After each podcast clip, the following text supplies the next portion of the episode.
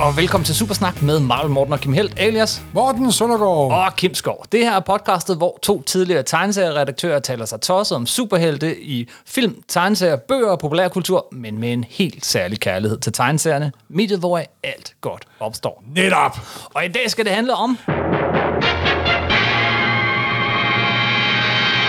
Amazing Fantasy 15. Den aller, aller første Spider-Man-historie nogensinde.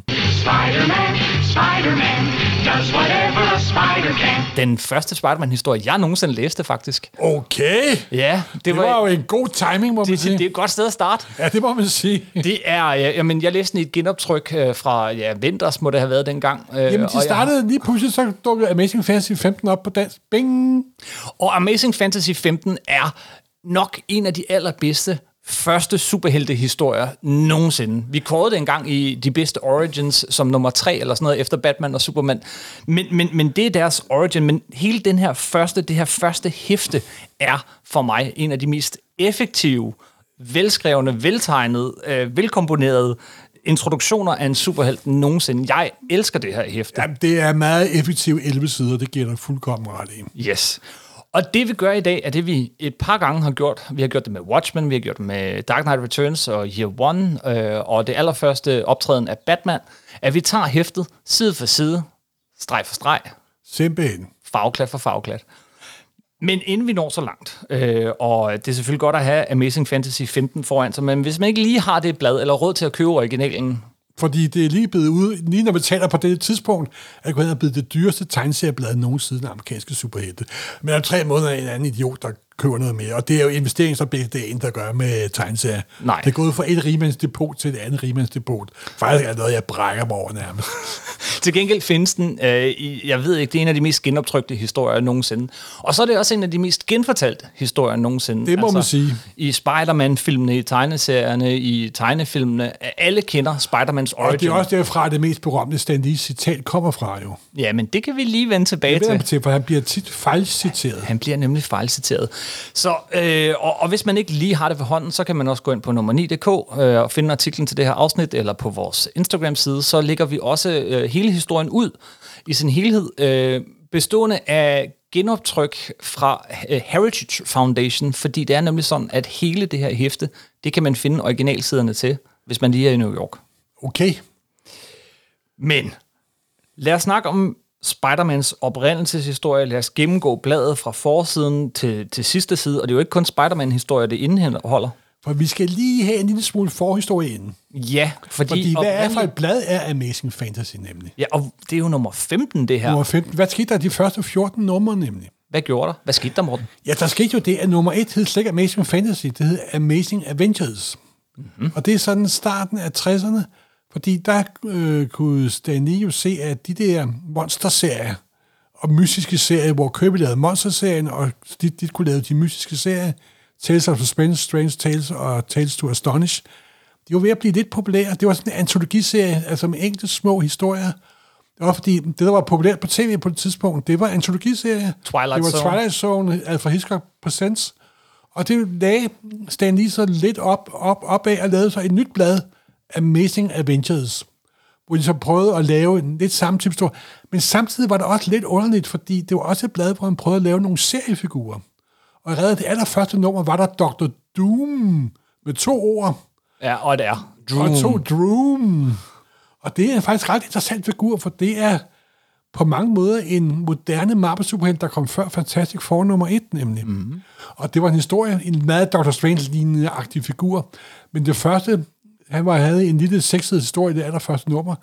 Tegner Jack Kirby, øh, tekstet af Stan Lee og inket af Steve Ditko. Så af de sjældne, øh, fuldbyrdede. Et af de sjældne, der var også Hulk nummer 2 og øh, Fantastic Four nummer, nummer 13. Mm. Men det var, det var den heldige trænede arbejde sammen.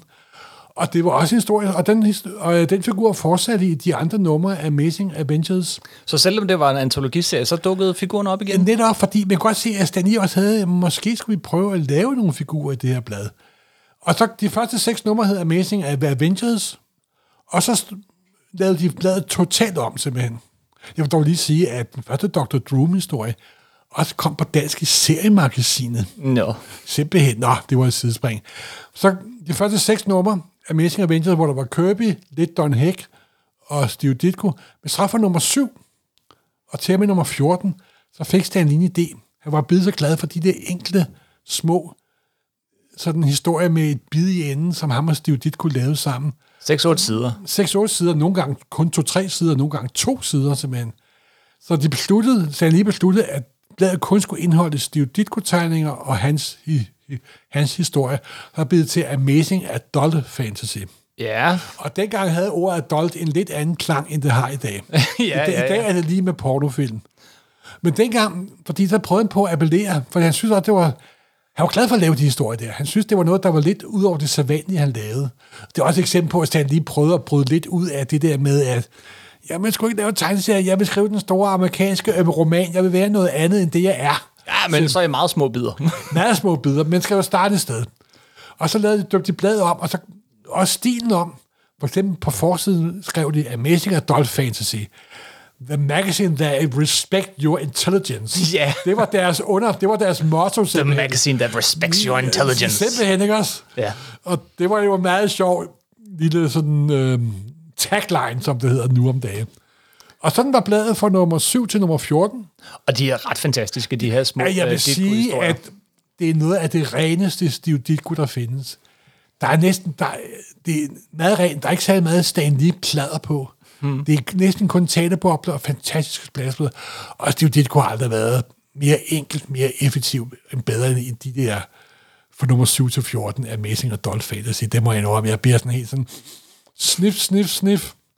Men desværre, så, øhm, og det var på trods af, at de lavede sådan en contents page, og de lavede, øh, de lavede brevkasse, og de lavede afstemninger blandt læserne.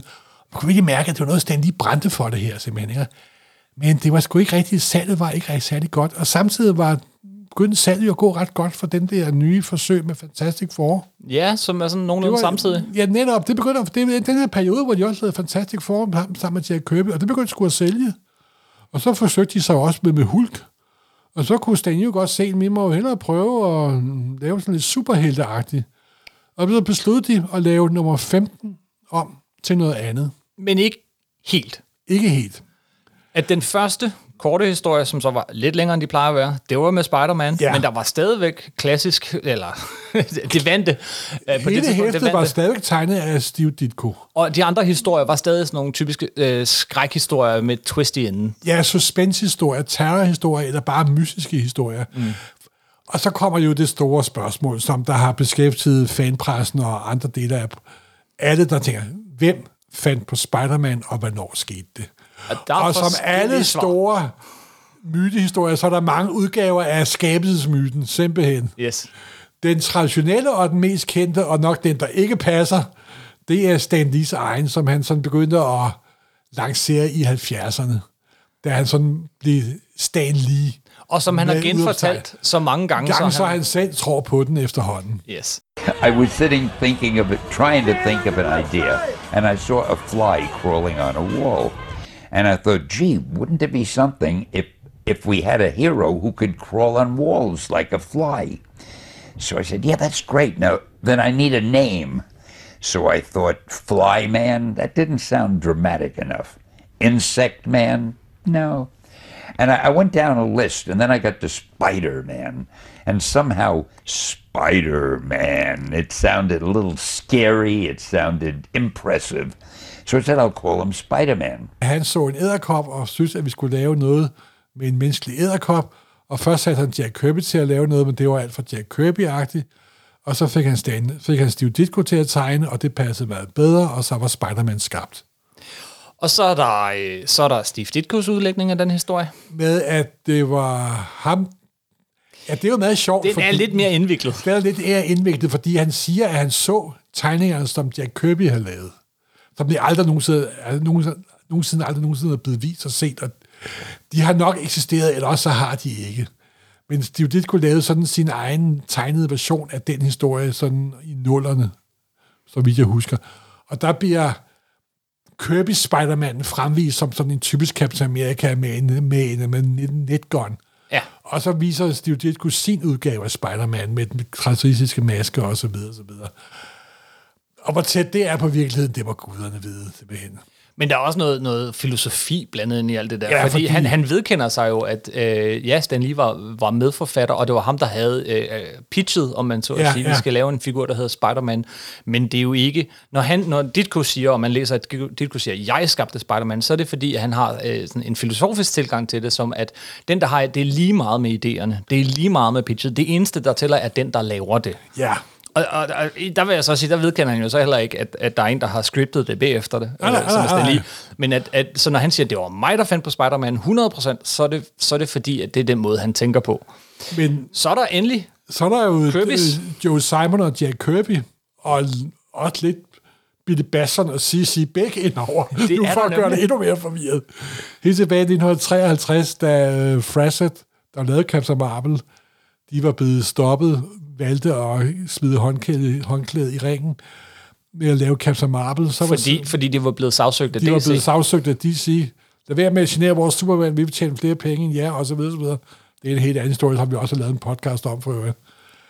Og så besluttede C.C. Beck sammen med Joe Simon Jack Kirby at lave en figur, de kaldte Silver Spider. The Silver Spider, ja. Om sådan en ung, en ung øhm, forældreløs barn, der havde en magisk ring, der forvandlede ham til en superheltlignende ting. Ja, Og der kom sådan et, øh, det bliver aldrig nogensinde trygt, og der, de lavede nogle prøvesider, og det gled sådan lidt ud i, i glemsen.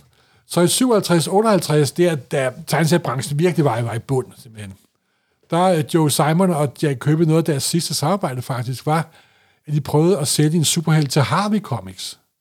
Der er på, de er dem, der er kendt for Reggie, for Reddy Rich og, og Casper og the Friendly Ghost Casper og- the Friendly Ghost. Ja. Altså serien, der var uberørt af hele den der ballade omkring EC og Comics Code og så videre, så videre. Og de lancerede så The Fly. Og de også på et tidspunkt var øh, skrækfilm, The Fly, meget populær nemlig. Og så kunne vi ikke tage den gamle idé og kalde den The Fly, og måske lavede den om til en æderkoppe lignende ting. Og, og så kom der The Fly, der kom to numre. De første to, to numre var der faktisk tegnet af Jack Kirby. Og The Fly eksisterede faktisk i forholdsvis lang tid, og, og da Spider-Man blev populær, bliver han lavet om til The Spider Guy. Og De prøvede også at lave og sådan lidt øhm, øhm, øh, piggybacke på Spider-Mans succes, men så døde serien ud i starten af altså så 60'erne. Men det er jo også en ting, som Jack Kirby bragte til det her, med hvor idéerne kommer fra, og så videre, så videre. Så det var jo ikke Stan Lees egen idé, men på samme tid... men, men, men altså, når du Men lige beskriver The Fly, så lyder de jo ikke særlig ens. Nej, men det er de jo heller ikke, og det er også mere navnet, de to. Og Stan Lee var jo også fascineret af insekter jo. Fordi øh, Ant-Man dukkede jo også op, faktisk samme uge, som Spider-Man dukkede op. Ja, det er en sjov timing. Jeg har sagt, han dukkede op i kostyme, fordi Man of the Anthill, for no, altså Stones nummer 27, kom jo et stykke tid før. Så Stan Lee, det der med insekter og superhelte, var noget, der var oppe i tiden, og især Stan Lees tænker. Mm. Hvorom alting er, er det den store gryde af idéer, og jeg var først, og jeg var sidst, og så videre, og så er faktum, at Stan Lee og, Jack Kirby, Stan Lee og Steve Ditko sammen lavede Amazing Fantasy 15. Yes. Og det er det, vi skal gennemgå nu. Jamen, skal vi så ikke starte med forsiden? og, så sige, og forsiden er ikke ja, netop. Og det er jo helt sikkert, at en del af, af Spider-Mans DNA er også lidt Kirby. Hvor meget er, det vil folk diskutere til evig tid, simpelthen. Men lad os starte med forsiden. Ja. Den hedder stadigvæk Amazing Fantasy. Nej, den har nu skiftet navn jo. Den, hedder, ja, den har skiftet navn frem med det her nummer til Ja. Amazing Fantasy, i stedet for Amazing Adult Fantasy. Ja. Og, og hvis vi lige skal beskrive forsiden lidt, så er det øh, tydeligvis en Kirby, en meget heroisk Kirby Spider-Man, der kommer øh, sådan svingende ind på siden. Øh, kameravinklen er sådan lidt skæv. Man kan se, der står nogen op på et hustag og kigger, og, og der er de, Spider-Man de karakteristiske skæve skyskraber, som Kirby var specialist i. Yes, ja, og, ja. og, og Spider-Man kommer svingende med en mand, der sådan øh, helt, ty, helt tydeligvis er en skurk, fordi han har mørke Nej, øjne. nej, det er en, der er faldet ud af et, faldet ud af et vindue. Nå, men jeg kigger på ham og ser en skurk. Ja. Nå. og, øh, og, og Spider-Man svinger igennem her, øh, tegnet af, øh, øh, af, af Jack Kirby, og så er der noget, nogle forskellige tekster på bladet. Vi har selvfølgelig titlen, Amazing Fantasy, vi har også Approved by the Comics Code, det har vi jo snakket længere om. Simpelthen. Øh, pris, dato, øh, og så en, en, en lille tekst, hvor der står Introducing Spider-Man med en bindestreg. Men det kan jo også være, fordi ordet er opdelt. Øh, Spider-Man hedder jo, som alle ved, Spider-Man med en bindestreg, ja. Men det var faktisk noget, de var lidt usikre på, og laver et par swipser med undervejs, Det især i de tidlige det må øh, numre. Det må man sige. Spider-Man, han siger, Though the world may mock Peter Parker, the timid teenager. Rigtig Stan Lee uh, alliteration, ja, ja, It will soon marvel at the awesome might of Spider-Man. Og det er med bindestreg. Og så lige nede i bunden en anden øh, note. Also in this issue, an important message to you, med stor fed you, from the editor. About the new amazing. Yes. Historien, øh, og det bliver lagt lidt op her i det her hæfte, er jo, at, at, at de ved ikke helt, hvad næste nummer er, men alligevel, øh, altså, de kan jo ikke have ventet på fanrespons, før at de beslutter sig for at omdøbe det her blad til Spider-Man allerede fra og med næste nummer. Nej, fordi øh, det, det kommer vi også ind på senere. Spider-Man nummer 1 kom jo først til december. Mm. Det her blad udkom 5. juni 2000, øh, 1962. Og lige for at vende tilbage til den uge, det var en meget vigtig uge i Marvel Comics. Udover der kom tre teenageblade med Midler Model og Patsy Parker. Patsy, Patsy, Patsy Walker, ikke Patsy Parker. Nej. Sorry. Patty Walker, ja. Så kom der også to andre superhelte den uge. Første gang, der kom det første Thor Journey into Mystery nummer 83. Og Ant-Man øh, til, øh, i dragt, I Tales to Astonish. Nummer 35. Så det var en forvis vigtig uge. Ja. Og hvor de to mest berømte insekt-superhelte fra Marvel blev lanceret samme uge. Hvis nogen havde fortalt Stan Lee, at de tre Marvel-blade, der kom den uge, senere vil generere omkring 10-15 film, så vil han nok sige, Hæ? Ja, også at man siger, det havde jeg da regnet med. ja, det ved jeg jo nok. Det ved jeg jo Men, nok. men inden vi forlader forsiden helt, så synes jeg også lige, vi skal lige hæfte ord med, at, øh, at, det var, at, at øh, Ditko havde faktisk fået chancen først. Fordi Ja. det er ikke den oprindelige forside. Nej, fordi men det er jo, at de andre numre af Amazing Adult Fantasy fra 7 til 14, der havde det været Ditko All The Way. Og også meget øh, lidt ukendt for den Stan Lee, Ditko var blevet sat på som skaber af det her blad fra 7 til 14. Så det var jo også stadigvæk Ditkos blad, eller indtil nummer 15. Det var det ikke længere, fordi Ditko lavede også en forside til nummer Ja, 15. og det er sådan set det samme motiv. Spider-Man øh, svinger øh, fra, omkring nogle hustag med en, en, hvad hedder det, en mand under armen, og, og, siger stort set, det, og siger faktisk det samme i taleboblerne, men, men det er en meget mere Ditko Spider-Man. Meget, meget mere Dit- Ditko Spider-Man. Og det er også sådan en, mere rodet forside. Ja, men det er jo det, fordi at Kirby, han kan forstå jo at lave det, som du selv siger, et heroisk held, ikke? Og den Spider-Man, der er, Steve Ditko Spider-Man, han er jo ikke heroisk. Han er her lidt forvirret teenager, der har en mand under armen og prøver at finde ud af, hvad, hvad fanden der foregår, ikke? Og der, øh, vi, må, vi skal være solgt figurerne her, ikke også? Så vi vælger noget heroisk på forsiden, ikke også? Men allerede, os gå i gang med første side. Skal vi... Ja, nej, ved du hvad, jeg synes faktisk, vi skal lige blive ved forsiden et minut længere, fordi vi bliver nødt til at Den er også snakke enkelt om... af Steve Ditko, vil jeg lige sige. Ja, for den endelige forside er så tegnet af, af, Af Kirby, men enkelt af Steve Ditko. Men vi bliver nødt til lige at snakke, det her det er det første billede, nogen nogensinde ser af Spider-Man. Ja. Så skal vi ikke lige blive et øjeblik ved hans dragt? Jo, Og, og den har jo faktisk ændret sig forholdsvis lidt igennem årene. Og det er en af de, altså, en af de mest ikoniske design af superheltdragt ever. Og også det der med, at man ikke kan se, hvem han er. Ja, og det er jo også lidt dobbelttydigt, fordi det her med, at du har en, en, en, ja, en held, ved vi nu, men det ved man jo ikke nødvendigvis, når man ser Nej. det her. Du ser en mand, som er fuldt maskeret, og indtil da, så var superhelte jo ikke fuldt maskeret. Det Nej. var i hvert fald yderst sjældent. Så er det en held, er det en skurk? Var det ikke Lars Krampe, som sagde, at da han første gang læste Spider-Man, så troede han, det var skurken? Jo, det sagde jeg, det er der ret i. og, og det forstår jeg godt, fordi mm, det er faktisk lidt øh, svært at se, om Spider-Man er helt eller skurk her, hvis du intet kender til ham. Og så har han den her fantastiske dragt med, med, s- som, med, med alle de her, øh, det her net hele vejen igennem, og Spider-Man-logoet og sådan noget, men det er jo på ingen måde en klassisk superhelte dragt eller kostume, det her. Nej, det er jo Steve Ditko, der virkelig... Øh, ja, hvor han, og hvor, hvor han har det fra, det må guderne vide. Det er mere over i det mystiske, og for så vidt, som andre scener også har pointeret, og som man virkelig udnytter senere, så du kan jo heller ikke se, hvad, hvad, er det for, hvad er det for en dreng, der er inde i det her? Hvad er det for en person? Hvad er det for en person? køn eller race? Ja, køn ja. måske, men, men, men, men, men er, det, øh, er, han, er han hvid? Og det, det var det jo altid dengang. Men han kunne være alt, og det stimulerer virkelig fantasien med den her dragt. Også det, du ikke kan se hans øjne. Altså, han er virkelig kamufleret her. Og, Og og, det er også- en dragt, som stadigvæk har noget superhelt over sig, fordi han ligner jo ikke en æderkop. Nej, Okay, det- der er æderkop i net og alle de her ting, men, men det er tydeligvis en mand i trikot. Simpelthen. Jamen, det er et fantastisk design. Det er, det er jo også derfor figuren... Jeg har jo, jeg kan huske, den nede Fantast, der havde vi sådan en lille øh, klistermærke i døren med, med Spider-Man. Og hver gang jeg kom børnehave forbi, Æderkoppen, Spider-Man, altså det er noget, som små helt børn, de reagerer på med det samme simpelthen. Farverne, og det, at de kan se, at det, der er maske på, det kan, det kan være hvem som helst. Mm-hmm. Alle projicerer sig ind i den her figur. Det er et fantastisk design, det er det altså. Og nu kan vi så gå til historien, og, og jeg synes, vi skal, vi skal bare virkelig dykke ned i det. Så, øh, så øh, vi skal prøve at beskrive siderne så godt vi kan, og ellers så, som sagt, så kan man finde øh, tegningerne øh, inde på nummer 9.dk. Og mange af vores øh, Instagram. lyttere har jo nok bladet lidt. Kan det nok nogenlunde i hukommelsen, ligesom vi kan. Men, men første side, skal vi tage det? Første splash page, der er Spider-Man med bindestreg, og så, hvad der må være den aller, aller første lavede tegning af Spider-Man nogen nogen siden Steve Ditkus forsøg på at tegne Spider-Man. Han står sådan lidt Og, og, foroverbåret. det, er jo ikke, og det er jo ikke en held, det er jo et monster. Ja, lidt. Det er jo en mand, der er blevet forvandlet til en æderkop, ikke? det kunne det næsten være. Man kan se, at den her næsten kløen, han er klar til at overfalde dig, ikke også? Han er, det er jo ikke nogen held, det er jo en skurk.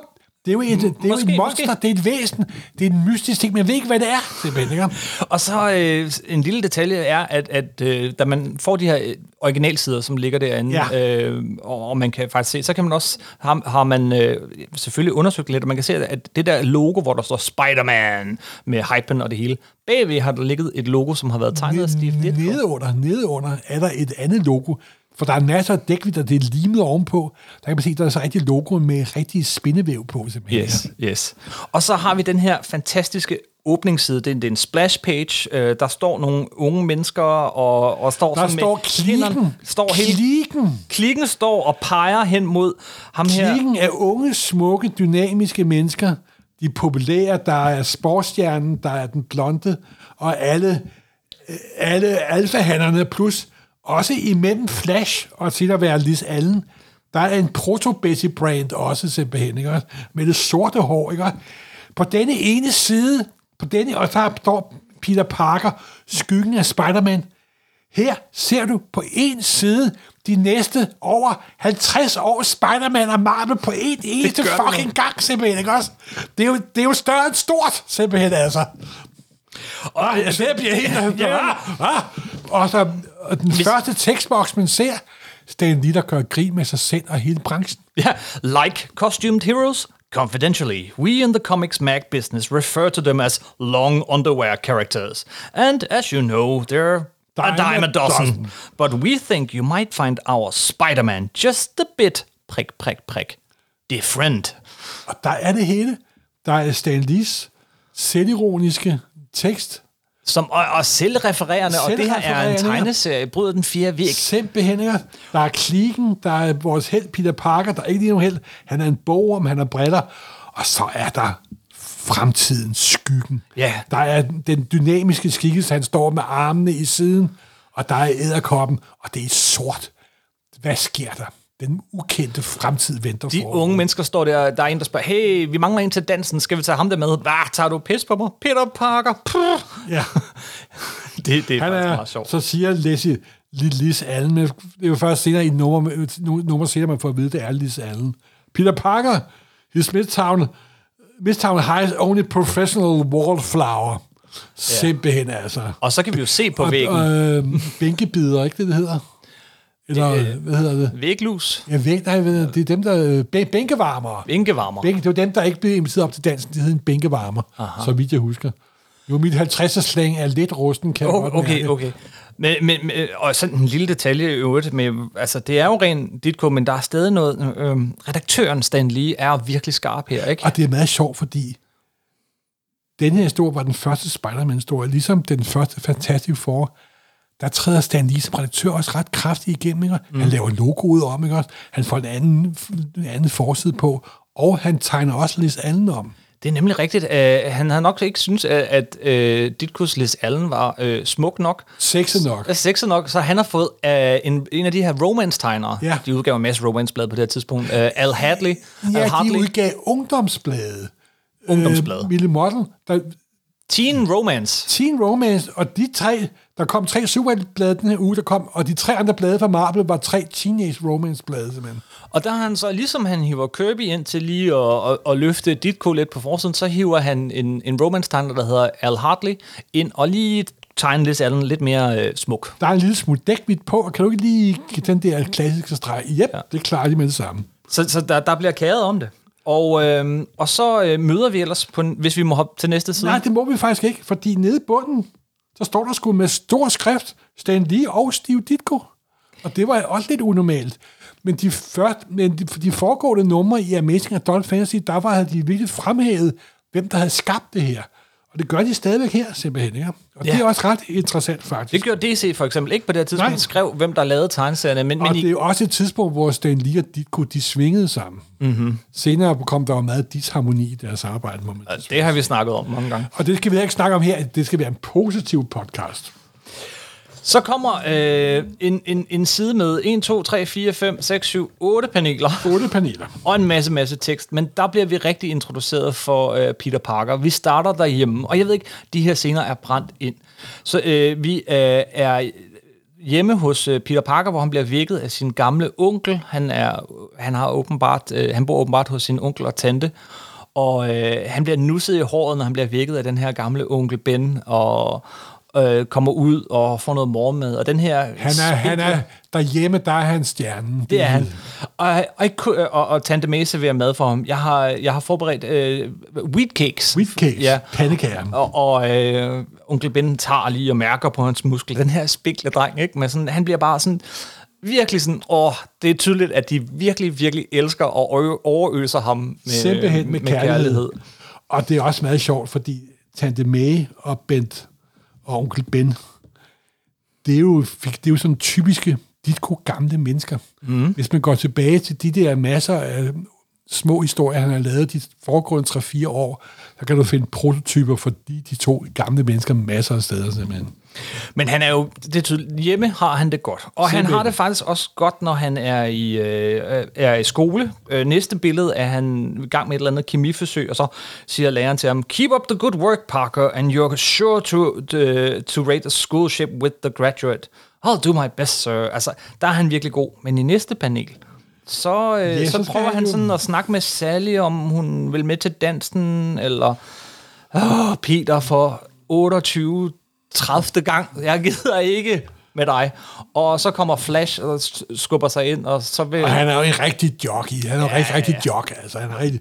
Ah, væk med dig, mand. Ikke? også? Jeg er... Han er den atletiske, blonde, unge fyr, og det er dem, som er alle den mest populære. Big man Så- så, on campus, som det hed. Så, yes, yes, yes. Så, så øh, Parker bliver skubbet til siden. Nu er han ikke i sit hjemmevandte øh, element. Simpelthen, Her går det ikke for godt. Og så, hey, Så er der hey, også- hey, også venner, det, venner, siger han Parker så. går med en lille slips og en vest, ikke også?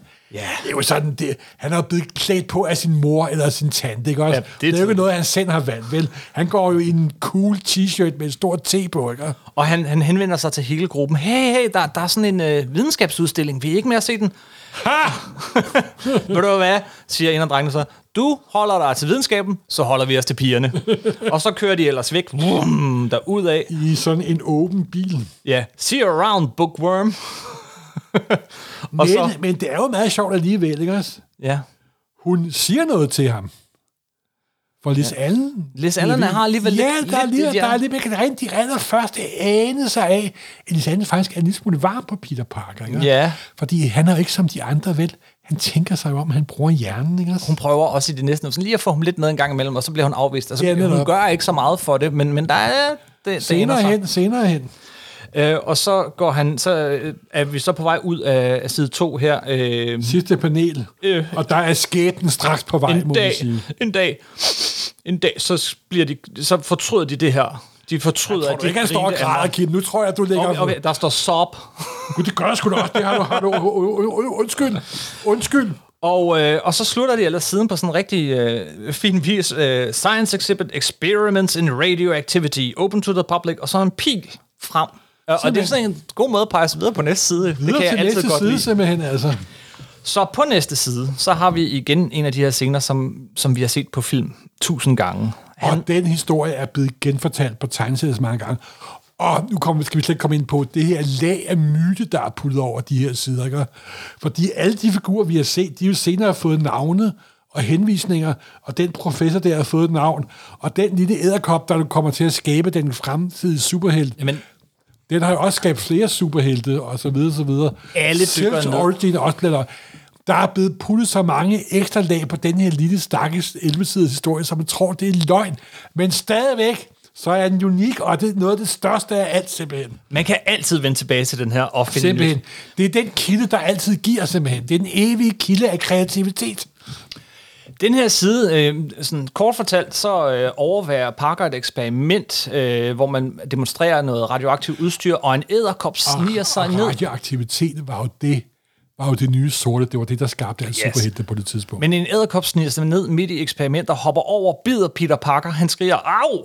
Og, øh, og de andre, de griner selv, underviserne vi skal lige først ham. vise, hvordan æderkoppen Må, må jeg ikke lige genfortælle siden, og så tager vi den forfra. Oh, undskyld, undskyld. så, for, dem, der Undskyld, ikke har den, for dem, der ikke har den foran sig. Det har man da Han, han, bliver, han bliver bidt af æderkoppen, kigger, hvad, hvad? og den, den, den lyser så underligt, og jeg, jeg, åh, jeg, jeg bliver lidt svimmel, og så griner de andre ham, nå, det var nok lidt for meget med det her øh, videnskabseksperiment, og så går han ud, og så, uh, hvad sker der med mig? Jeg, har- jeg har det anderledes, og jeg er sådan helt fyldt af energi, og pludselig kommer der en bil forbi, vrum, og Peter Parker, han hopper til siden, og det er den side. Ja, og han hopper højt. Han hopper meget højt. Så, hvad vil du sige fra starten af? Starten er den, at man ser jo først den der science-udstilling, hvor der åbenbart sådan øh, almindelig publikum, der er sådan lidt ældre part. Det er ikke kun øh, ikke, ikke noget, der foregår på skolen, det er åbenbart uden for skolen. Ja, jamen, det var den der udstilling, Ja, han ja. ville hen til med de andre, Og så, man det, tage og så ser man æderkoppen, der kommer ned fra loftet i sit lille spind, i sit, i sit øhm, æderkoppespind, eller æderkoppenet, og så bliver den bestrålet. Og samtidig, når den bestrålet, så er den også i dødskrampe. Mm. Og det, inden, lige inden den dør, eller måske når den skaber 3-4 superhelte også ved siden af, men det er en senere historie, så overfører den af, og så dør den i det øjeblik, den, det vil også sige, den i øjeblikket, at den bider Peter Parker, så giver den livet til Peter Parker, overfører hele sin energi, hele sit mantra, hele sine dyriske egenskaber til Peter Parker der simpelthen. Så nu synes jeg, du ligger mere... Ej, det er pjat, hvad mere du? Jeg hensyder bare til 28.000 forskellige historier på en gang. Men så er det jo meget sjovt, så går Peter Parker jo svimmel. Ja, og det er, og, men jeg Men det synes sjove også, er jo, at de ved, hvem han er.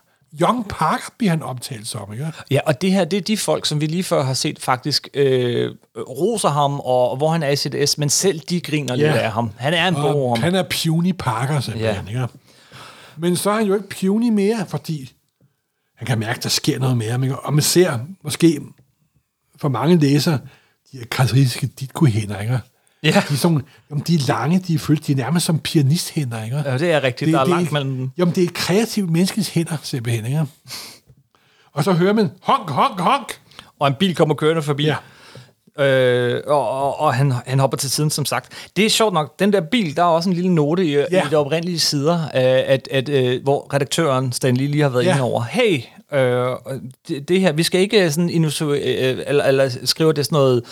Øh, hvad hedder reckless driving, Ja. øhm, øh, fordi at øh, der var oprindeligt nogle arme ud af bilen og alt sådan noget. Det er ikke det, det er bare en bil, og det er fordi Peter Parker ikke er opmærksom nok.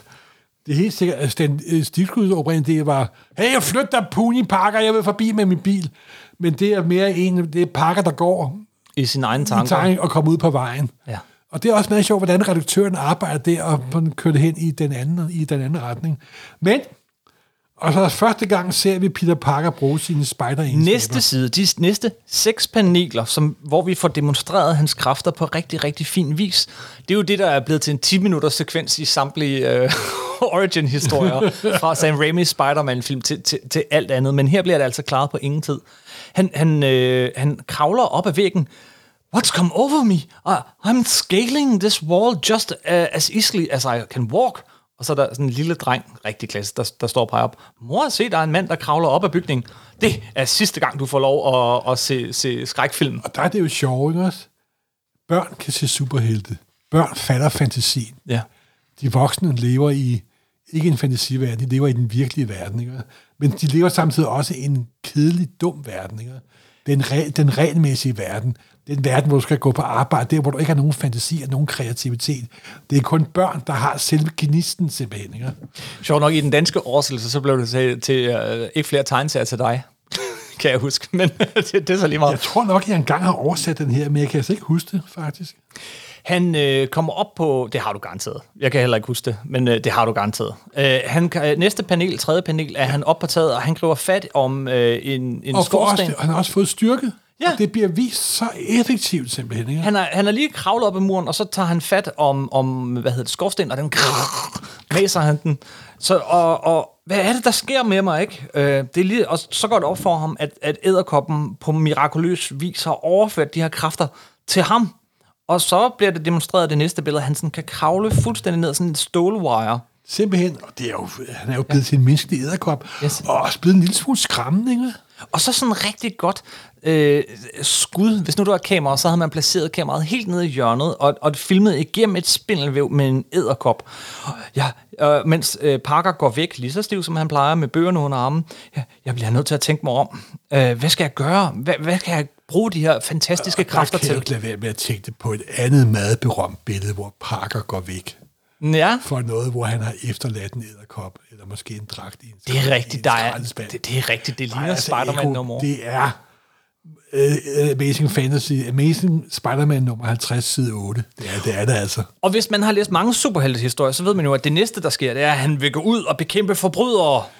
Men, Men- det er jo little bit different, som man siger på første side. Han er mand, den, den der nørd, der har svoret, at de andre kommer til at fortryde. Så øh, de sidste to paneler, øh, der er vi over og, og møder Crusher Hogan, den her wrestler, den her bryder, øh, og han, han står og overværer sådan, at øh, hvis man kan klare ham, så får man 100 dollar. hvis man kan klare tre minutter i hvis ringen du kan overleve tre minutter i ringen, så får du 100 dollar. Yes. Hmm, siger han, det vil være en god måde at teste mine kræfter. Og så tager han, øh, så prøver han i sidste panel lige at forklæde sig lidt, lidt selv. Og, Og så, han smider brillerne. ja, det er vil jo sige, verdens bedste også- forklaring. Jamen, jamen han er jo, nu er han jo super, han er jo super nu. Så nu er han også, hans syn er også klaret op, og han er ikke længere nærsynet simpelthen. Yes. Yes. Og vi er nu Og- på og vi- side 5. Yes. Men lad os bladre ja, til side 5. Og øh, her får vi så den første rigtige demonstration af ja, både hans kræfter, men også hans karakter, vil han sige. For han er en teenager. Det her ja. er, øh, hvor han, han møder op. Han har taget sådan et, et net, ligner nærmest en netstrømpe, han har taget ned over hovedet for at forklæde sig. Og så udfordrer han Crusher Hogan, øh, og, og de griner jo af Og ham alle Costa sammen. Hogan er så klassisk Ditko stærk mand, så det er helt uhyggeligt. Han ligner en stor baby. Simpelthen, det er det, han er. Og så tager de her bitte små øh, trunks på, og så er han skaldet, og men du så siger, han ligner en baby.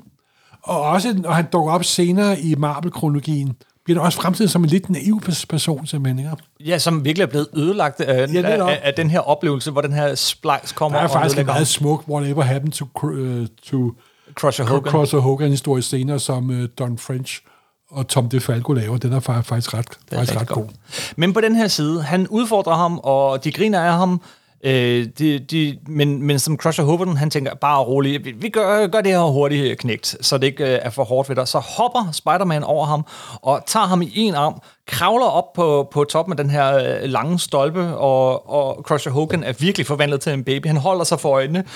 Sæt mig ned, du vinder, du vinder, du vinder. og så øh, sætter han ham ned, og så, du, du er jo ikke, you're, you're not human, nobody can do that. Wanna bet, siger han. Sådan rigtig dumsmart, ikke? Øh, og sidste panel, jamen, der står øh, folk og jubler over det her, men vi Og ser også sådan en, en- klassisk mand med cigar. og, Promotoren, the, pro- the promoter, agenten, the smarte fyr, der vil tjene nogle penge. hmm, that masked character may be just what I've been looking for. Simpelthen. Og så på næste side, prøv at høre her, jeg er, Det er, side, det tv-producer. er side, side 6. Vi er kun på side 6. Øh, får vi lige sidste billede fra den her scene, inden vi, vi, vi skifter lokation. Men øh, han siger, her er mit kort, og øh, jeg vil gerne have dig på et Sullivan show. Som jo var et Sullivan show. Det var uden tvivl det mest berømte, det mest populære øh, direkte tv-sendelse hver lørdag aften. Mm-hmm. Og der er jo en ting, et sådan show er meget, meget kendt for, og det billede bliver vist hele tiden. Det var der, hvor Amerika første gang blev præsenteret for The Beatles. Yes. Det er jo, Kom man på et Sullivan-show, så Så- var det made. you are made, ja. Og der er Sullivan kun kendt i vores dage, fordi Beatles var med. Men det var utrolig stort, simpelthen. Det er de mest kendte... Altså, nu er der mange sådan øh, hosts, men El Sullivan var gigantisk, simpelthen. Gigantisk. Øhm, Peter Parker, han, han, han, lytter, han lytter til ham, og, men, men han står bare og kigger på pengene. Ja. Han er mest interesseret i pengene. Det, det var det, jeg ville nå, sige. Nå, ja. nå, sorry, undskyld. Nej, sig det. Øh, at han, han kigger ikke på dem, han kigger bare på de her penge, og han, ja. øh, efter den der lange taleboble med et Sullivan-show, og du kan tjene masser af penge, han kigger bare på pengene og en enkelt lille taleboble. Øh, thanks. han, er, han er jo ikke vant til det her, og, og, og jeg elsker, jeg elsker, at det er det her, Peter Parker gør, ja. som det første. Han, han tager ikke ud og standser forbryder, han gør Nej, det, nej. en teenager vil gøre. Selvfølgelig. Og uden den store øh, forståelse for, hvad de her egentlig betyder for den der øh, mænd, hvis karriere og levevis det er at være... Øh, Jamen, han, øh, teenager er vidunderligt kreativt udadvendt, men de kan også nogle gange være en smule ubetænksomme, sagde den gamle mand. Ja, så er vi hjemme igen, øh, og, øh, og det er lidt ligesom, det her panel fungerer faktisk ikke helt godt. Han, han, han, det er ligesom om, der er to tider i samme panel, på en måde, der ikke helt passer. Men han står øh, og snakker til sig selv. Øh, ham der promoteren, øh, han vil have showmanship, han har ikke set noget endnu.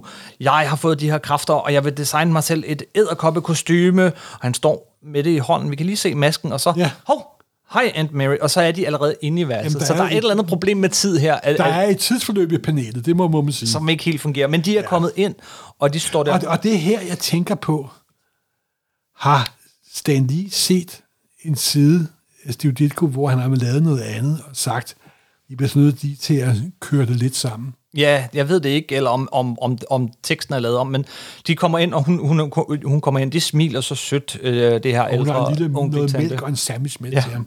You look a little tired, Petey. Petey. Så, og der så bliver brought some lagt i in. til markedet senere. Og du ser lidt bleg ud, Peter Parker. Ja, skal du ikke have noget mælk og, ka- og, sådan ja. og, så en lille sidste detalje ved det her panel også, at vi kan se hans værelse, ikke? At, at det, er jo, det er jo fyldt med, med kemisæt og, kemisæt og alt muligt. og nu kommer der en anden side af Peter Parker. Nu har han ikke alene fået superkræfter, men han har nok haft en egenskab hele tiden. Han er lynende intelligent, simpelthen. Ikke? Yes. Noget, man har skruet op og ned for i forskellige øh, perioder. ja simpelthen. Men øh, de næste to paneler, der, øh, eller resten af siden faktisk, får vi så demonstreret, hvad han kan, som ikke har noget at gøre med spider, øh, med æderkoppen som sådan, men nemlig hvad han kan videnskabeligt. Så crackers and milk, bless them if they only knew. Og så har han faktisk allerede, op, allerede opfundet det her æderkoppespind, og vi får det demonstreret. Og netskyderne har han også opfundet. netskyderne, hvor han sådan kan lave sit eget æderkoppespind, og han, vi, han tager dragten på.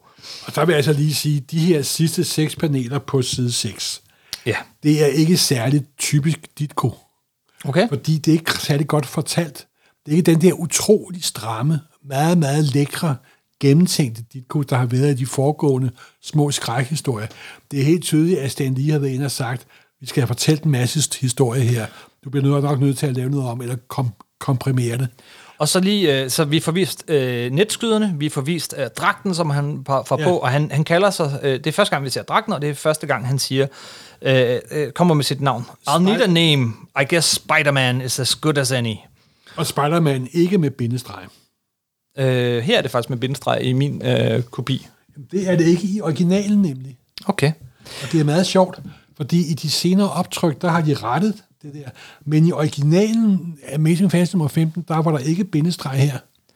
Men nu har vi, hvad der ligner en superhelt, men det er i virkeligheden, øh, det her, resten af den her side handler jo både om at demonstrere hans, øh, hans øh, evner og hans kostyme og hans æderkopperspind, men det er også hans karakter, det her handler om, ikke? Så, øh, så, så Spider-Man, it looks as good, uh, looks as pretty good, if I do say so myself, så han roser sig selv her, ikke? Og så her, men hans motivation, So, they laughed at me for being a bookworm, eh? Well, only a science major would have created a device like this. With some strong liquid cement at the end, I can pull myself up anywhere with a little whip.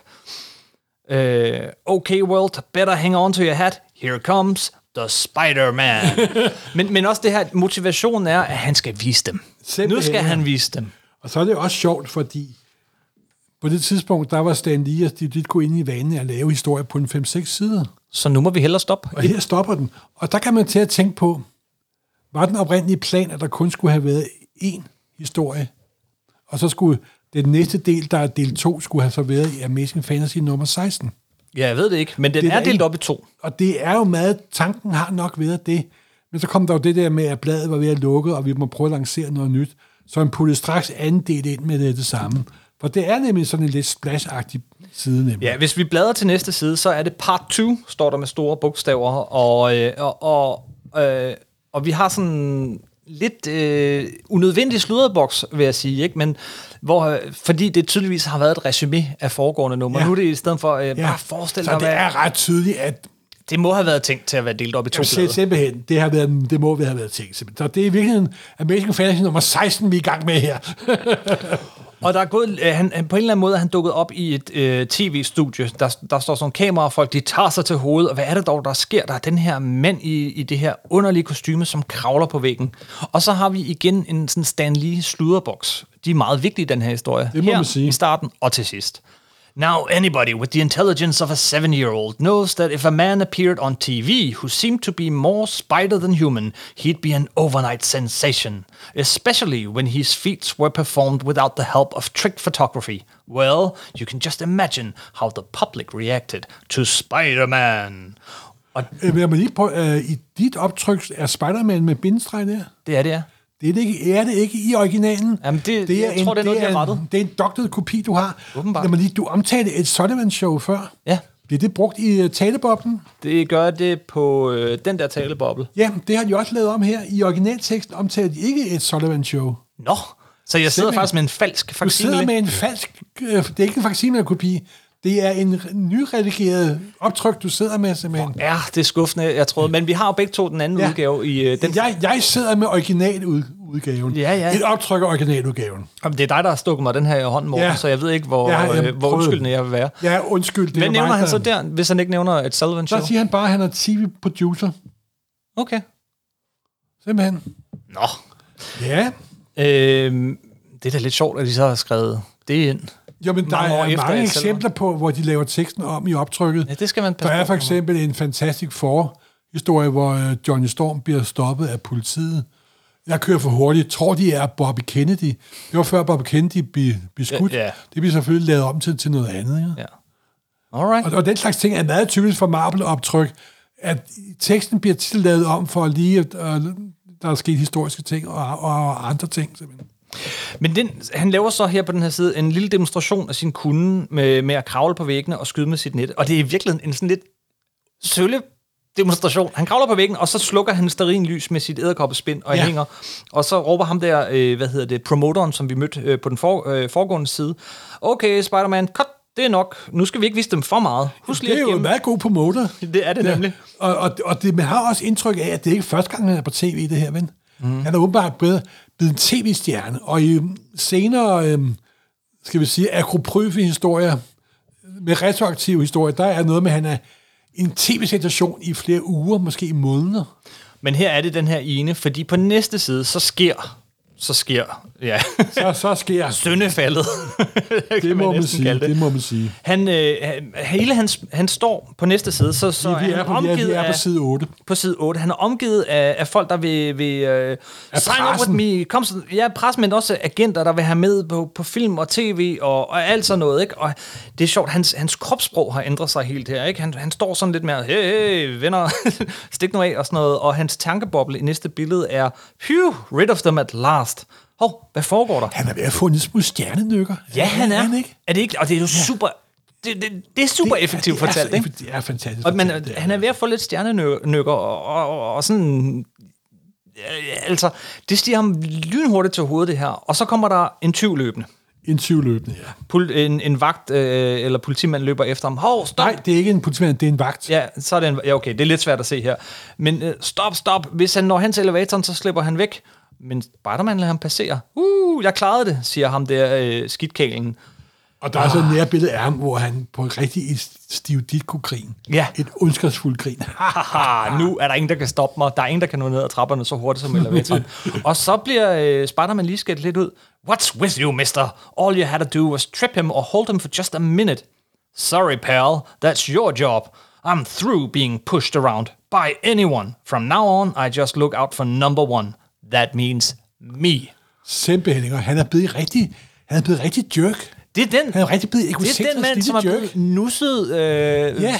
øh, i håret. Han for som en lille, som en lille, øh, lille skiderik simpelthen. ikke? Ja, og næste billede, igen den der, hvor han bare sådan, ah, vinker ham væk. Save your breath, buddy. I've got things to do.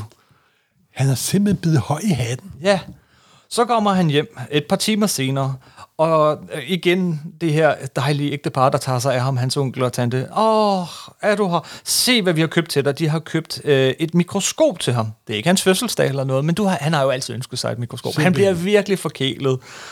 Oh, you're the greatest family any fella ever had. Og han tænker, de er de, de, er de eneste, der nogensinde har været sød ved mig, men jeg skal nok sørge for, at resten af verden, det kan go hang for all I care. De er de eneste, han kærer sig om. Simpelthen? Ja. Og så går der noget tid, Morten. Det er derfor, jeg, jeg, jeg vil egentlig have sagt noget før. Men på den næste side, du har bare et enkelt panel, øh, men der kan du faktisk se, In the days that follow, the Spider-Man becomes a sensation of the nation. Og du ser den ene avis efter den anden. Who is the Spider-Man? Spider-Man wins Showbiz Award. Spider-Man slated for new TV series. Og sådan en lille Der, jeg montage. vil lige sige, originalen, nu sidder du med det der dogtede optryk. Så lad være at give mig det, hvis det går galt. Nej, men jeg vil lige spørge om ting.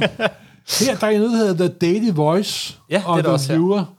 De har ikke puttet Daily Bugle ind Nej, her. det har de ikke. Nå, dog, Det dog, har de ikke. ikke. dog ikke.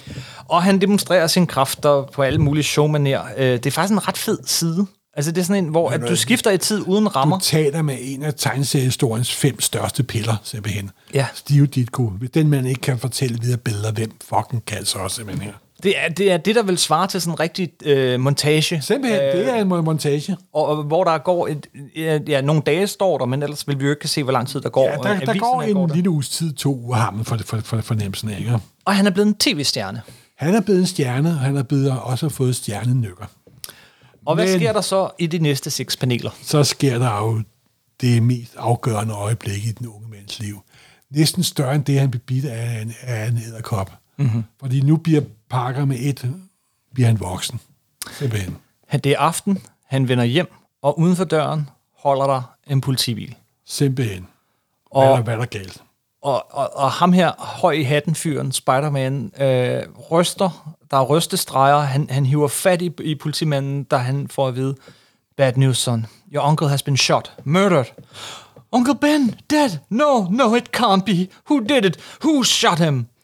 It was a burglar. Your uncle surprised him, but don't worry, lad. We've got him trapped. He's in the old AIM warehouse at the waterfront. We'll get him. Og Don't worry, lad, er en lidt underlig ting at sige til en, der lige har mistet sin onkel. Men øh, Jo, men det er jo sådan en lidt ældre, altså lidt ligesom vagten. Mm. Det er sådan en lidt ældre hvid, øh, en, øh, en lidt ældre øh, hvid herre med sådan hvidt hår og så videre, så videre. Sådan den lidt adfaderlige type, ikke? Ja, og det næste, han siger også, er, at hans tante med er inde ved siden af naboen og tager sig af hende. Ja. Ja. Du kan bare gå ind. Nej, jeg har, jeg har ikke tid til. Jeg bliver nødt til at løbe efter ham. Han skynder sig hjem. Og tager- vi ved tager godt, sit- hvad naboen er. Det har man fået at vide senere. Mm. Mm, senere. Han, han går hjem, tager sit æderkoppe på spinden og øh, æderkoppekostyme på og, og kravler allerede op af, tagene, fordi he won't get hold of Spider-Man. Nu er han på hævntogt. Hævntogt. Endnu Og- en vild og, og det er et hævntogt. Det er et hævntogt. Det er et hævntogt simpelthen, ikke?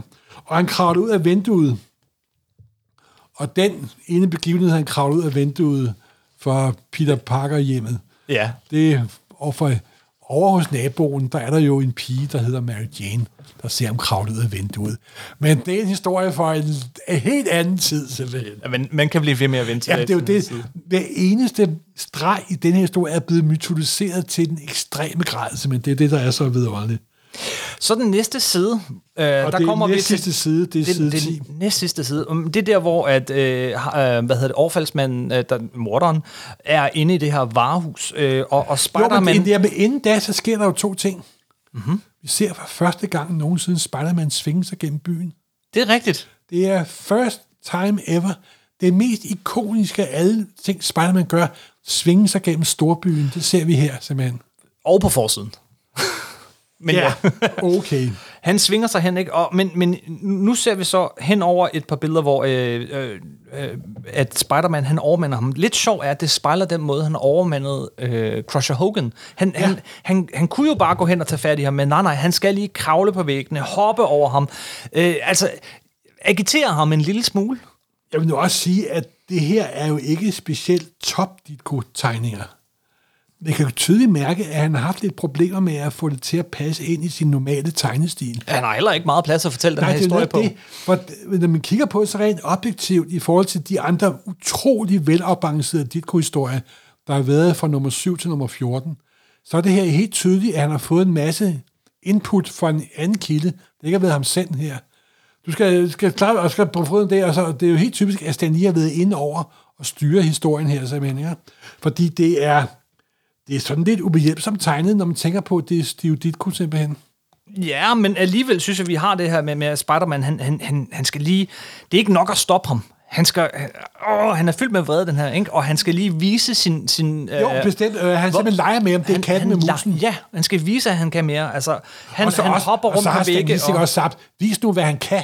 Vis hans egenskaber, ikke? Ja, måske. Men, men jeg ser det mere som, at, at, at, at han stadig er ude på, på hævn. Og, og, det skal, og, og så er der en anden vigtig ting, man ser ikke hans ansigt. Man ser ikke tyvens ansigt på nogle af de her billeder. meget vigtigt. Han hopper rundt, han spejder om han, og, og tyven bliver helt fuldstændig skrækslagen. I gotta get away, I must hide, I must be seeing things.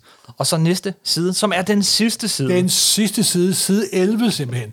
Dengang kunne man fortælle økonomisk simpelthen.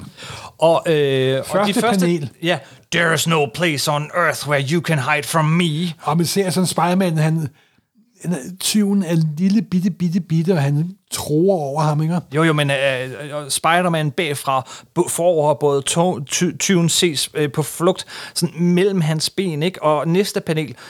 First, my web will uh, relieve you of your gun. Psst, Og tyven holder hånd, og man kan ikke stadig se, hvem han ser er. ikke hans ansigt. Og så næste, så får han så en kaja. En, en, en Kæverasler. kæverasler. And then my fists will do the rest. Og så kommer så billedet, Panel nummer 4. som er dobbelt så stort som de foregående. Simpelthen. Fordi hvad er det, der sker her? Det er der, hvor, Sp- hvor Peter Parker bliver Spider-Man for første gang. Der- Hvor Peter Parker, superhelten, bliver født.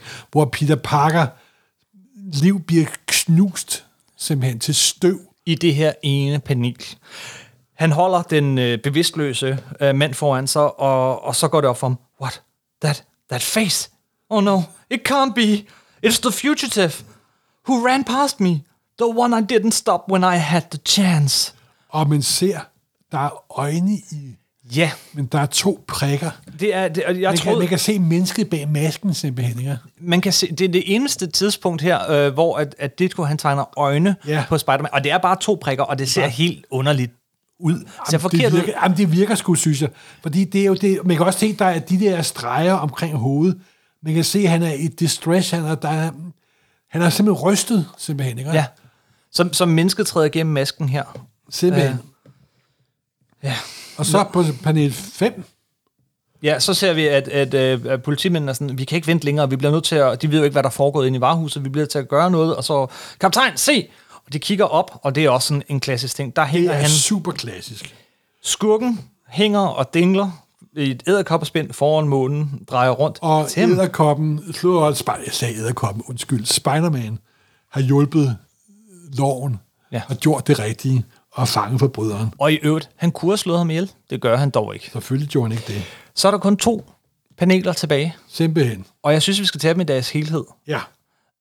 A sh- and a short distance away. Det er sådan en, det er sådan en øh, boks, man ikke vil have nu og og om dage. Imens, ikke så lang tid, øh, langt væk. Det er totalt spil. Men så, så, står, øh, så står Peter Parker i sit Spider-Man-kostume med masken taget af. Han har hånden sådan på panden foroverbøjet, og der løber tårer ned.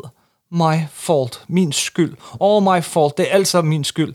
If only I had stopped him when I could have. Hvis bare jeg havde stoppet ham, da jeg kunne. But I didn't. And now, Uncle Ben is dead. Det er blevet etableret det afgørende brik i hele Spider-Man-myten. Det er Peter Parkers evige skyld. Han kan aldrig nogensinde, lige med om han så har reddet universet utallige gange, det er aldrig nok for at zone den fejl, han har gjort her. Ikke? Han er den skylddrevne Han, skyld, han er drevet frem af skyld simpelthen. Ikke? Og det er Det, det, er der, så utroligt det er så utroligt. Og det er det, der gør ham til en held. Og det er også Ja. det, noget af det, der gør ham til en helt anderledes held. Simpelthen, ja. Prøv lige at tænke hans motivationer, hvor meget de skiftede her undervejs. Ikke? Ja. Øh, fra, fra ønske om at, at vise de andre til decideret hævn til skyld. Det er en, det er en vild forvandling på 11 sider. Og så det sidste berømte panel, som jeg lige læser op, og så skal du nok få lov at sige, hvad Ja, du vil. Men tak. det er det berømte billede, hvor Spider-Man går væk, ryggen til, munden og byen er der, at han, han går væk i, i, i natten. And a lean, silent figure slowly fades into the gathering darkness, aware at last that in this world, with great power, there must also come great responsibility. Simpelthen. And so, a legend is born, and a new name is added to the roster of those who make the world of fantasy the most exciting realm of all. Men, Morten, du har noget, du gerne vil sige Og til... det første er, nu er jeg sidder med den originale original. Og der er der en boks nede under, hvor der står, i næste nummer af Amazing Fantasy kan du få, se de fortsatte eventyr med Spider-Man. Dengang regnede Stan lige med, at der var kommet et Amazing Fantasy nummer 16, 17 og 18, hvor de kunne køre Spider-Mans eventyr videre. Men det, der gør allermest opmærksom på, with great power there must come great responsibility. Det er jo det mest berømte Stan Lee citat af alle. Men det bliver som regel citeret som, with great power there come great responsibility. With, great power comes great responsibility. Og det er jo lige men, præcis det, han ikke mener. Nej. Fordi hvis du er, hvis du får, først får ansvaret, når du får kræfterne, så er du ikke nogen held. Nej, når du får kræfterne, så må du blive et etisk menneske. Det skal der. Det skal der komme, fordi hvis du ikke har en etisk holdning til dine kræfter, så er du ikke nogen superhelt, så er du en superskurk. Så er du bare en bully, simpelthen. Ikke? Og det er, jo det, det er jo det, historien handler om. Det er det. The must come. Det der must er så utrolig vigtigt, ja, Det, simpelthen. det er jo den moralske pegefinger her, det er ikke? netop det, det er, simpelthen. Ikke? også? Og ja, og det er et 11 sider. Det er 11 sider. 11 sider, der er jeg vil ikke gå så højt og sige, at det er de mest 11, mest, øh, afgående, mest øh, afgørende 11 sider i superhelte historie. Men alligevel så er det sgu lidt.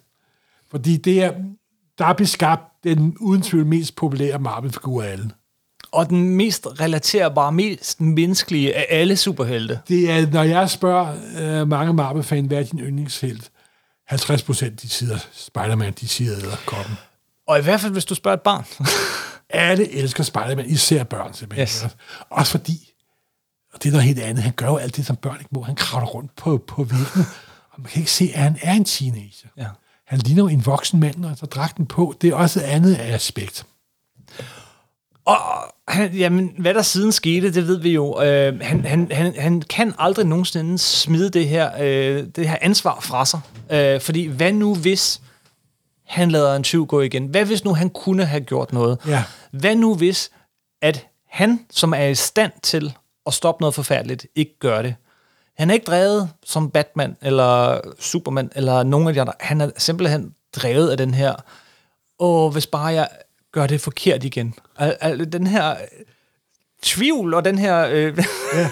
Og lige med, hvor mange gange, at han har bevist, at han er blevet et, et etisk menneske, så er skylden der stadigvæk dybt, dybt, dybt nede i ham simpelthen. Og det er jo den evige kerne ved Peter Parker og Spider-Man-myten, som der er så, så, så fantastisk.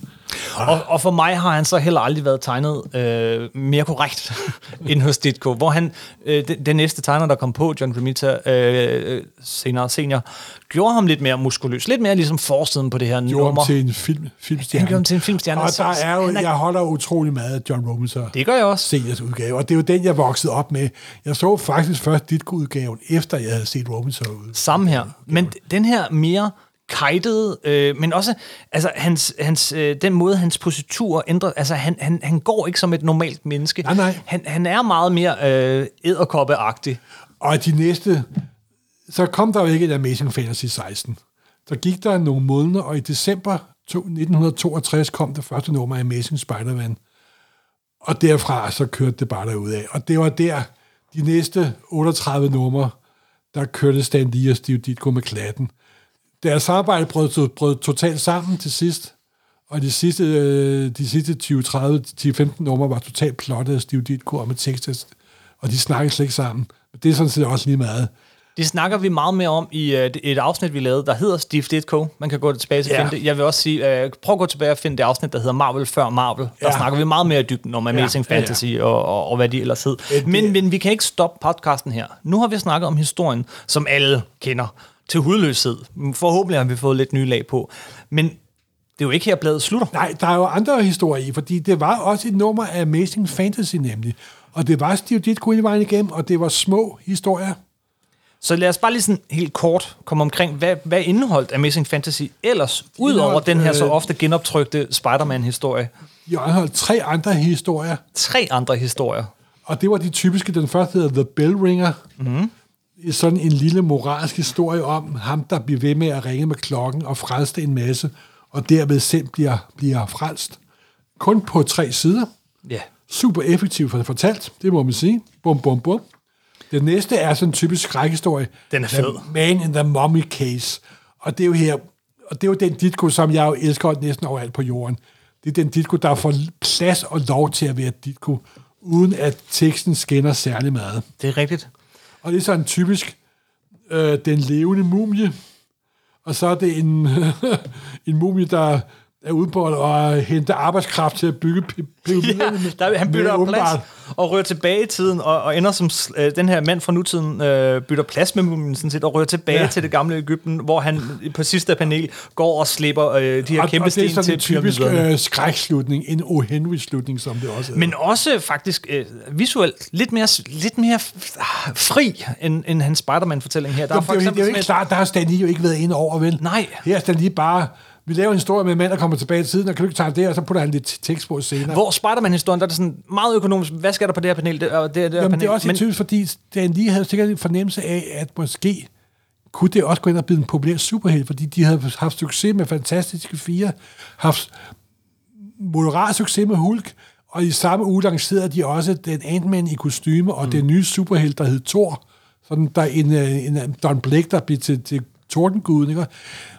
De, var begyndt at ane morgenluft, ikke også? Gud, måske er der en vej ud af denne her dødssejler, som tegneseriebranchen har været simpelthen, ikke? Men i den her historie, Man the Mummy Case, den starter med sådan øh, en hel side, hvor der ikke er plastret til med alle mulige bokse, med bare sådan et, et, et kæmpe øh, billede af en mand i skygge med svedperler, ja. Ja. og, og der er plads, og på den sidste side har vi sådan en langsom zoom ind, hvor du, du starter nært på manden, og, og, og så eller Zoom- zoom, zoom ud, ud må det være. I, så til sidst han, ender ender du sådan lidt længere ud, mens du zoomer ud, og til sidst får afsløret det der med, at han står i Ægypten, men med det her åh, skrækindslagende udtryk i ansigtet, og farverne bliver også brugt meget effektivt her. Jamen, det er jo øh, fantastisk, simpelthen. Altså. Og så er der en fanpage, Ja, hvor det er en important announcement from the editor. det var den, der blev nævnt allerede på forsiden. Ja, simpelthen, ikke også? Og det er jo her, hvor de siger, ja, nu hedder- skal I hedde det ikke længere Amazing Adult Fantasy. Vi var, har haft nogle problemer med, at folk, det blev ikke kun solgt til børn, og nogle børn følte sig, jamen, jeg er jo barn og kan godt lide dig, jeg er jo ikke voksen, og så videre, og så videre. Og så var der også lidt på den her tidspunkt, hvor ordet adult var begyndt at få en lidt anden betydning, så de valgte at skifte navn. Og samtidig sagde de også, at nu vil vi prøve at øh, lancere den her nye helt. Så skal jeg huske at læse næste nummer af Amazing Fantasy nummer 16. Der vil være flere eventyr med Spider-Man. Så Amazing Fantasy 15 er det eneste nummer, der hedder Amazing Fantasy. Simpelthen. Og der kom aldrig et nummer 16, men det Jo, det så... gjorde der. Øh. Det kom både nummer 16, 17 og 18. Det er faktisk kommet tre gange senere. Øh, ja, men, men øh, okay. Undskyld, du var ret. Det er selvfølgelig sandt. Men Spider-Man var ikke med i det næste nummer. Han flyttede over og fik sit eget, som så hed Amazing. Faktisk lavede de i øh, 90'erne, øh, Kurt Busiek lavede jo Amazing Fantasy nummer 16, 17 og 18, hvor han fortalte historien, hvad der skete imellem Amazing Fantasy 15 og Amazing Spider-Man nummer 1 i tre hæfter.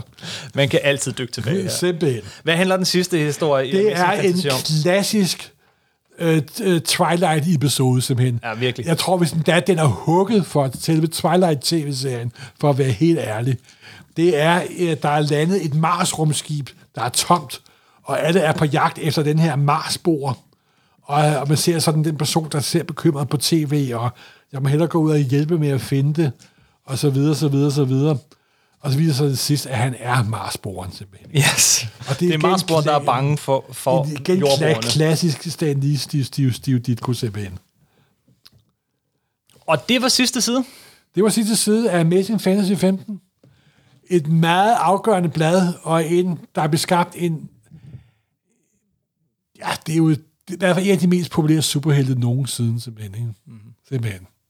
Og, øh, og jeg tror, det, det, det kan alt sammen føres tilbage til det her hæfte. Simpelthen. I wanted him to be Spider-Man to be a teenager, but I'd make him a different kind. He wouldn't be a sidekick. He would be the hero. And again, to make him empathetic with the with the readers, I figured I would let him be not that good looking, not that successful with girls. He doesn't have a lot of money. He, in fact, he doesn't have enough money. He's an orphan who lives with his aunt and uncle. I thought that would make him relatable to a lot of kids. Morten, det var skægt. Ja. Øh, lad os gøre det igen. Ja, simpelthen. det er jo, det er jo dejligt, når... andre, andre ikoniske øjeblikke i tegneseriens historie. Ja, det kunne være sjovt, og det er jo altid det er jo også nemt, når det er 11 sider, så kan man virkelig gå Det, til jamen, det. det har da overskueligt simpelthen.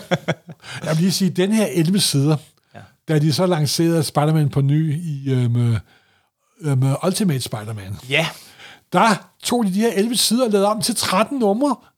Det er rigtigt 13 numre, som Ja. faktisk bare er en genfortælling Ja, af det de her. her 11 sider.